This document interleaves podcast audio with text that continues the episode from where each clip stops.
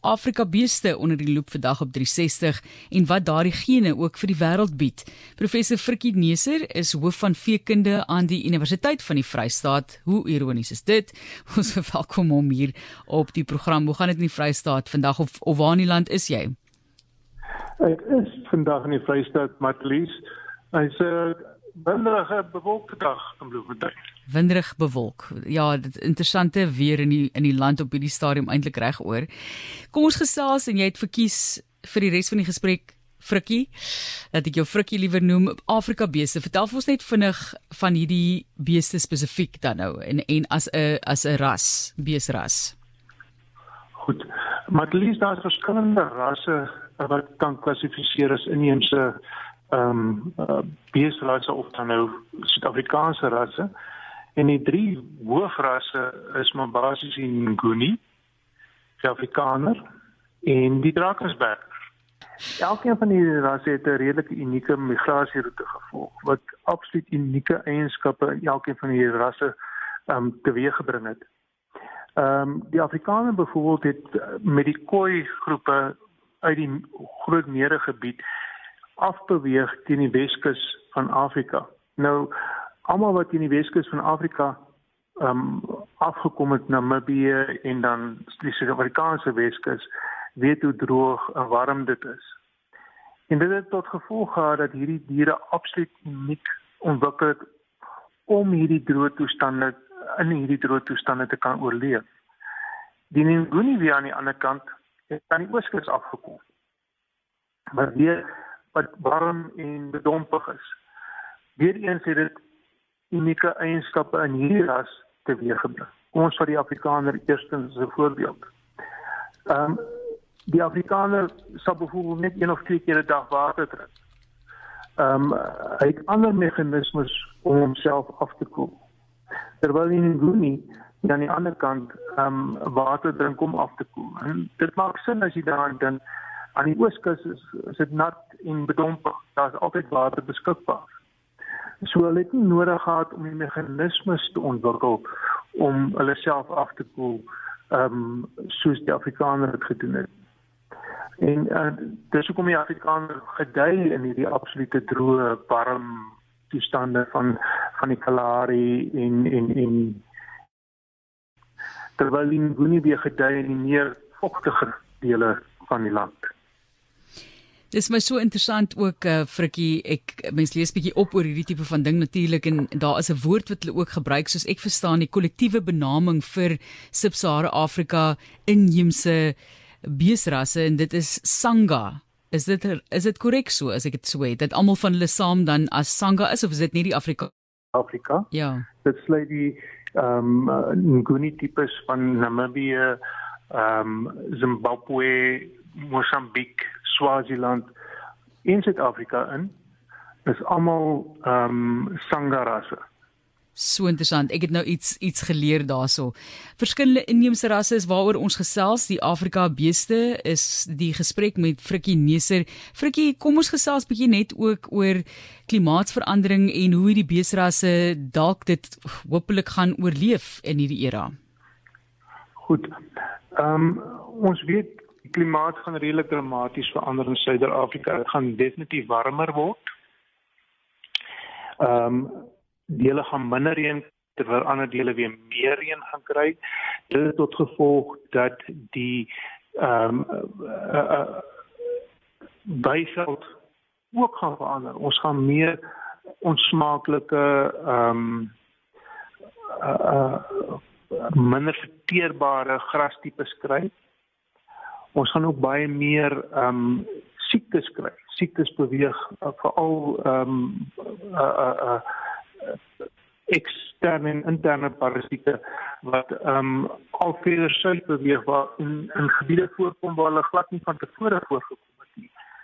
En en die interessante is dat die inheemse rasse 'n natuurlike weerstand het byvoorbeeld teen al hierdie siektes uh, of nie baie in teen baie van hierdie siektes, miskien nie almal nie, maar teen baie van hierdie siektes. En en ehm um, as hierdie siektes baie meer algemeen gaan voorkom, gaan dit basies die beesrasse wees waarmee daar in die toekoms geboor geword. Ehm um, omdat hulle net soveel meer aangepas is as as as as die die ehm um, uh, eksotiese rasse wat ons gekry het van vanaf ehm um, Europa en in die VSA. So die die die gene wat werklik in hierdie inheemse rasse voorkom gaan dit baie makliker maak om met hulle te boer in hierdie baie moeilike toestande wat vorentoe gaan gaan plaasvind. Jy praat nou van die siektes en hierdie omstandighede uh, vir hierdie mense dink ook dan aan 'n sterker pool van gene. Kan jy vir ons bietjie vertel van die Afrika beeste in terme van die res van die wêreld en hoe dit dalk bydra tot die res van die dink jy baie meer gehard. Ehm um, ons Afrika beeste is nogal van nature baie vrugbaar. Ehm um, hulle is 'n kleiner raam bees as jou Europese en Amerikaanse beestipes. Maar hulle is ook ehm um, baie gladder van haar wat beteken dat jou ehm um, eksterne parasiete nie noodwendig so maklik ehm um, vastrap plek kry op die op die op die op die ras. Ehm um, verder word hulle ook baie algemeen gebruik omdat hulle so gehard is en aanpasbaar is in kruisloopprogramme om ander rasse te skep. Ehm um, in Suid-Afrika byvoorbeeld is die die, uh, die mees algemene ras die Bosmara uit 'n kruising met Afrikaners gekom. Ehm um, die die ander rasse byvoorbeeld Afrisim, die die ehm um, Afrides is ons kruise wat wat uit die Afrikaner ontstaan het omdat hulle so gehard is. Ehm um, in in in ehm um, daar selfs proewe in beide Australië en in Amerika gedoen met die Afrikaner as moederlyn in kruisdeelprogramme. Ehm um, so dit daar baie wat die inheemse gene vir die res van die wêreld kan bied. En die interessante is daar tans geweldig baie navorsing gedoen word op ons inheemse rasse as gevolg van die unimiteit van die rasse. Ek gaan nou maar 'n vraag vra. Dit is nou nie natuurlik nie 'n veld wat ek so baie van weet. Ek het snaaks nog ons landbou geswat op skool. maar kan nie onthou dat ons hierdie onderwerp regtig hard gedek het nie. Ons het dalk maar as mens nou kyk na die herkoms van byvoorbeeld die Nguni ras, hulle sê dit is van Indiese en later Europese herkoms. Is 'n hibrid van daardie rasse of koeirasse as ek nou reg verstaan. Beesrasse. Nee, dis 'n kruising tussen ehm um, Indicus tipes wat grootendeels van Asië afkom, maar ook Taurus tipes wat later Europese tipes geword het. So is 'n unieke Afrika Afrika tipe bees wat ehm um, wel omtrent uh, eh, 900 jaar terug al begin uh, met die migrasie af na die suide van Afrika toe. So dit is is werklik 'n ras wat in in in Afrika ontstaan het selfs soos die Afrikaner. Hoe baie van ons beeste word uitgevoer? Uh, weet julle dalk enigstens ons nou 'n bietjie gepraat oor die bydrae wat dit maak tot die res van die wêreld en en waarheen word die meeste uitgevoer? Goed, op hierdie stadium word slegs vleis uitgevoer. Ons dit baie moeilik as gevolg van die back and close uh probleme wat ons in Suider-Afrika het op hierdie ja. stadium om enige ehm um, uh, genetiese materiaal uit te voer. Maar ehm uh, um, die uitvoer van van van van inheemse bees of genetiese materiaal ehm um, het al op 'n lang redelike lang tyd van tevore dit al plaasgevind en dit vind nog steeds plaas in, uh, of het nog steeds plaasgevind tot onlangs na Afrika toe en op 'n gereelde basis na Suider-Afrika.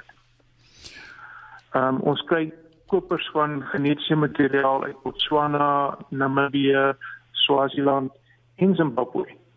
Zambie ook eh, van Suid-Afrikaanse genetiese materiaal. So dis nogal interessant dat ons is eintlik die stoet uh, plaas van Afrika.